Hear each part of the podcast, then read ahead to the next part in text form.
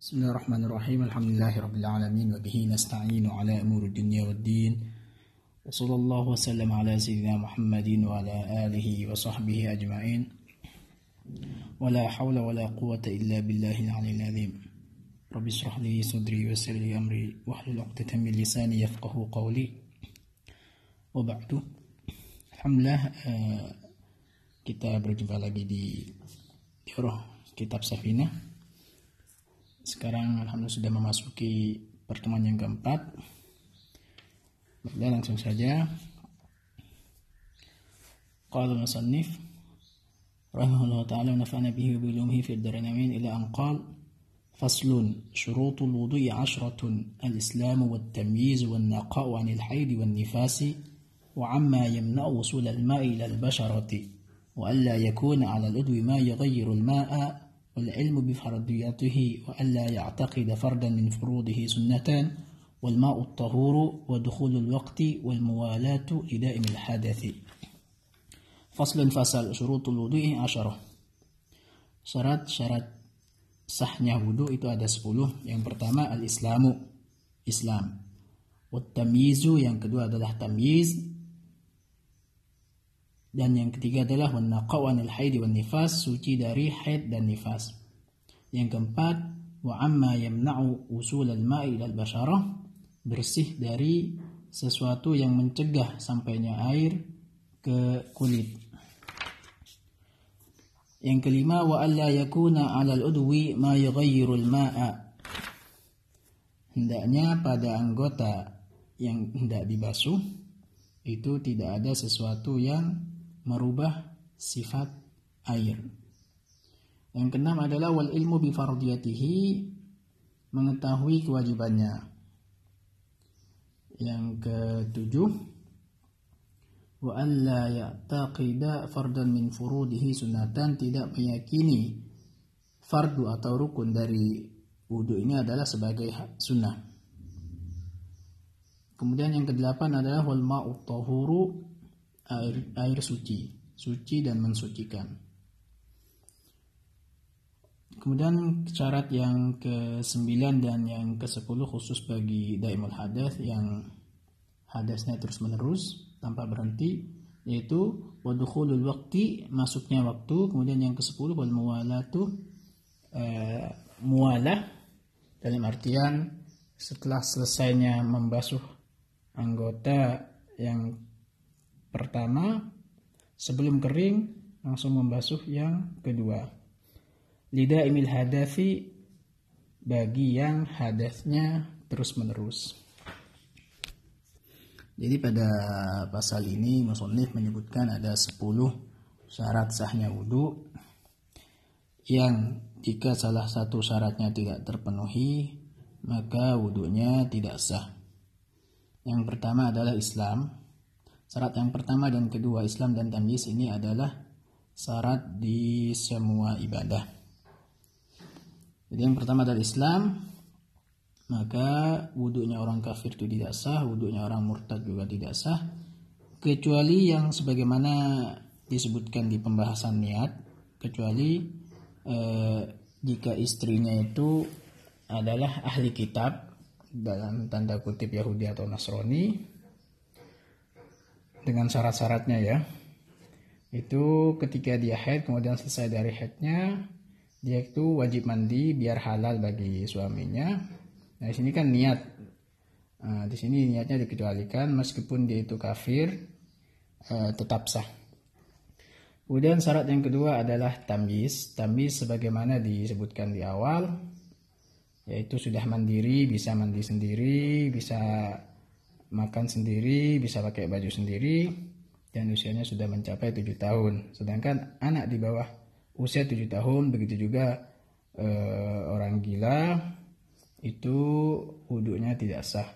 Kecuali, sebagaimana disebutkan sebelumnya di bab niat, anak kecil yang menjalankan ibadah umroh atau haji atau tawaf, e, karena di situ butuh niat, ya, karena situ butuh untuk wudhu begitu juga niat maka di sini yang meniatkan adalah walinya orang tuanya Kemudian syarat yang ketiga adalah an-naqa'u anil wan nifas yaitu suci dari haid dan nifas.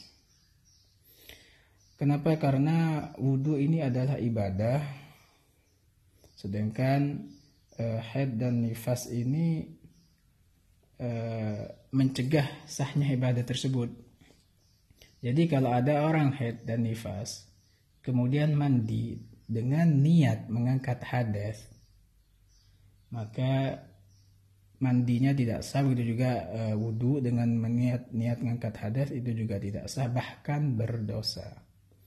Kenapa? Karena ini ibadah dan syarat ibadah yang satu ini harus e, suci dari head dan nifas Adapun kalau mandi sunnah seperti mandi hari raya atau e, ketika wanita tersebut sedang umrah atau haji uh, kalau mandi sunnah boleh-boleh saja. Atau mandi biasa mandi untuk uh, apa mendinginkan badan atau untuk sekedar membersihkan badan itu boleh-boleh saja.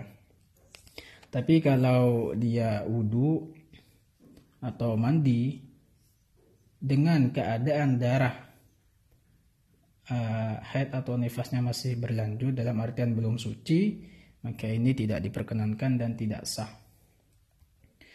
Kemudian syarat yang keempat adalah wa amma yamna'u usulal ma'i ilal basyarah dan hendaknya juga bersih atau suci dari sesuatu yang menghalangi air untuk sampai ke kulit.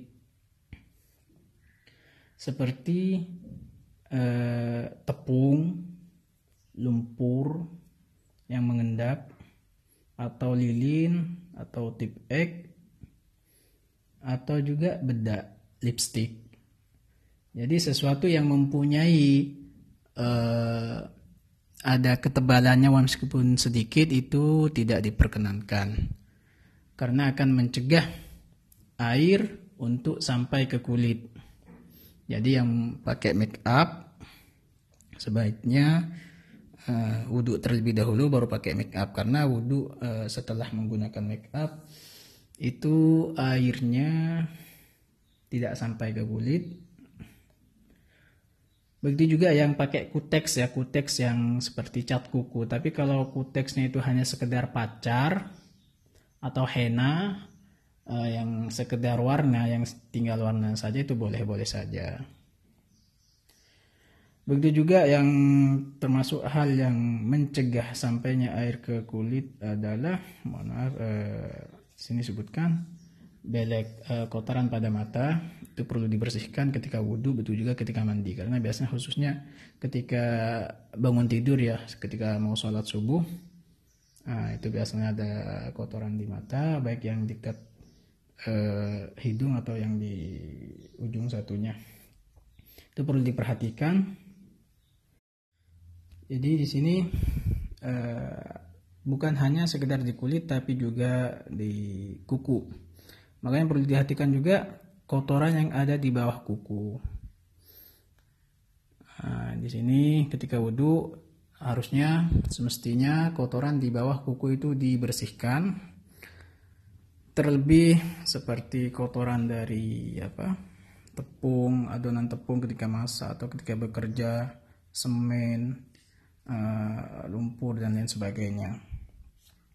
Hanya saja sebagian ulama menyatakan kalau e, cuman sekedar keringat yang atau kotoran daki yang asalnya itu adalah keringat itu masih dimaafkan. Atau bagi mereka yang pekerjaannya memang setiap hari harus bergulat dengan sesuatu yang membuat kotor seperti tukang atau e, montir di kerja di bengkel atau tiap harinya masak di tempat roti mau nggak mau tiap hari buat adonan dan ada kotoran yang tersisa di bawah kuku. Kalau memang susah untuk dibersihkan itu dimaafkan. Tapi kalau bisa terlebih eh, tidak setiap hari maka sini wajib dibersihkan. Kemudian yang kelima wa alla yakuna 'alal udwi ma yughayyirul ma'a dan hendaknya di anggota badan, di anggota wudhu ini tidak ada sesuatu yang merubah warna air seperti tinta.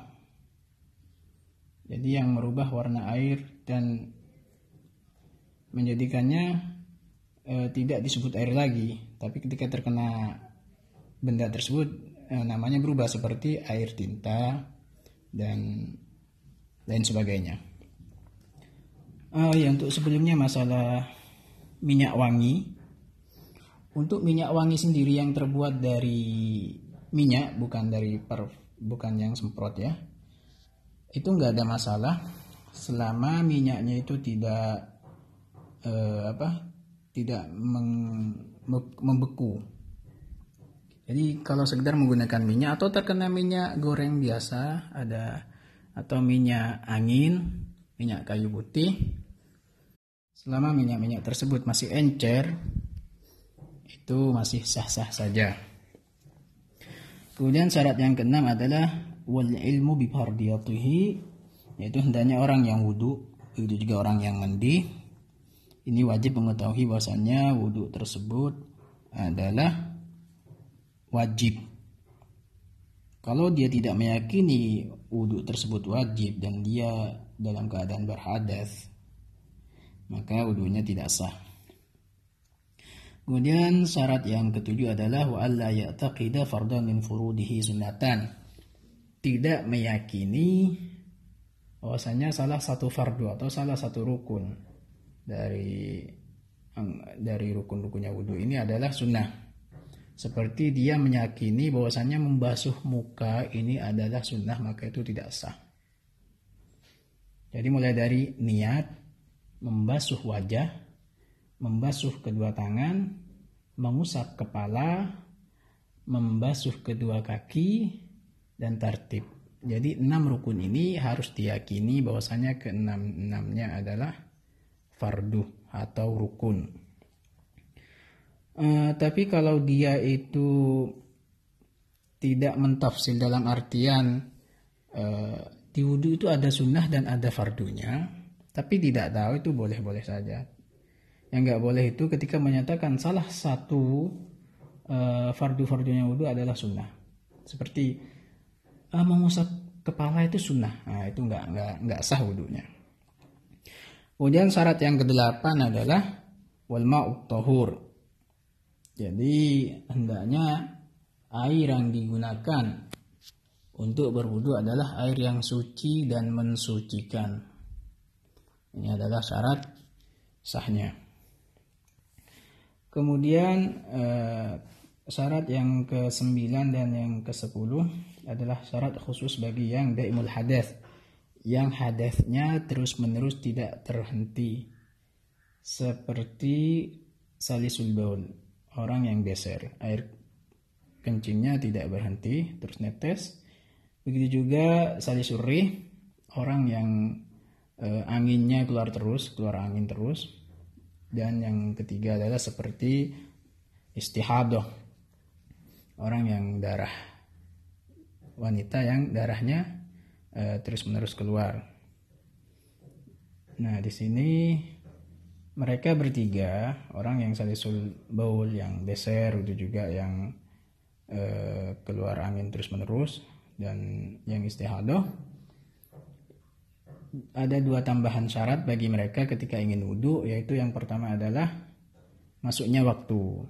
Karena toharohnya karena wudhunya mereka ini adalah darurat dan tidak ada darurat sebelum masuknya waktu maka disyaratkan setelah masuk waktunya sholat dia baru boleh berwudhu sebelum masuknya waktu sholat eh, maka wudhunya tidak sah wal muwalah dan juga mualah. Mualah itu e, ketika kita membasuh satu anggota seperti membasuh muka, sebelum keringnya muka kita sudah membasuh tangan. Ini disebut dengan mualah. E, kemudian ada kewajiban bagi orang yang hadasnya terus-menerus ini seperti yang besar tadi. Ada beberapa hal. Yang pertama dia harus masuk waktu terlebih dahulu baru bisa melakukan proses taharah. Dengan catatan yang pertama masuknya waktu, kemudian yang kedua adalah melakukan istinja terlebih dahulu. Kemudian yang ketiga eh, menutup mohon maaf kemaluannya ini dengan eh, apa semacam eh, kapas atau tisu atau sekarang sudah ada yang seperti pembalut atau pampers. Kemudian setelah itu baru dia melakukan wudhu ataupun tayamum kalau tidak mendapatkan air. Nah dalam wudhunya dia harus mualah kemudian antara wudhu dan sholatnya juga harus mualah. Dalam artian eh, setelah melakukan rangkaian istinja kemudian pakai pembalut atau pampers kemudian wudhu nah setelah itu juga langsung sholat. Dikecualikan bagi orang yang ingin berjamaah dan dia masih menunggu imam atau makmumnya atau jamaahnya maka mualah di sini uh, tidak disyaratkan antara wudhu dan sholat jamaahnya. Karena orang yang menunggu untuk sholat itu dihukumi dalam keadaan sholat dapat pahalanya sholat. Tapi kalau setelah wudhu dia makan dulu atau pergi ke mana dulu atau update status dulu dan lain sebagainya yang sekiranya tidak ada kaitannya dengan sholat maka dia wajib mengulang dari awal lagi. Kemudian ada beberapa syarat lagi yang perlu diperhatikan yaitu menghilangkan najis di anggota badan. Contoh di kaki ini ada najisnya maka harus dihilangkan dulu. Begitu juga mengalirkan air ke sekujur ke seluruh anggota ke seluruh anggota badan dalam artian anggota wudhu. Jadi kalau sekedar mengusap air itu tidak sah wudhunya seperti pakai salju uh, karena yang nempel di tangan untuk diusap itu hanya basahan bukan air yang mengalir. Jadi sini disyaratkan mengalirkan air meskipun sedikit. Wudhu dengan satu gelas air itu cukup. Karena wudhunya Nabi itu satu mut. Satu mut itu cuma segenggam ya sekitar satu gelas gitu sedangkan mandinya Nabi itu pakai sekitar satu sok. Satu sok itu uh, mungkin satu apa satu mangkok agak besar gitu. Kemudian juga syarat-syarat niat yang disebutkan pada pasal sebelumnya itu juga perlu diperhatikan. Jadi ini tentang syarat sahnya wudhu Allahu a'lam bisawab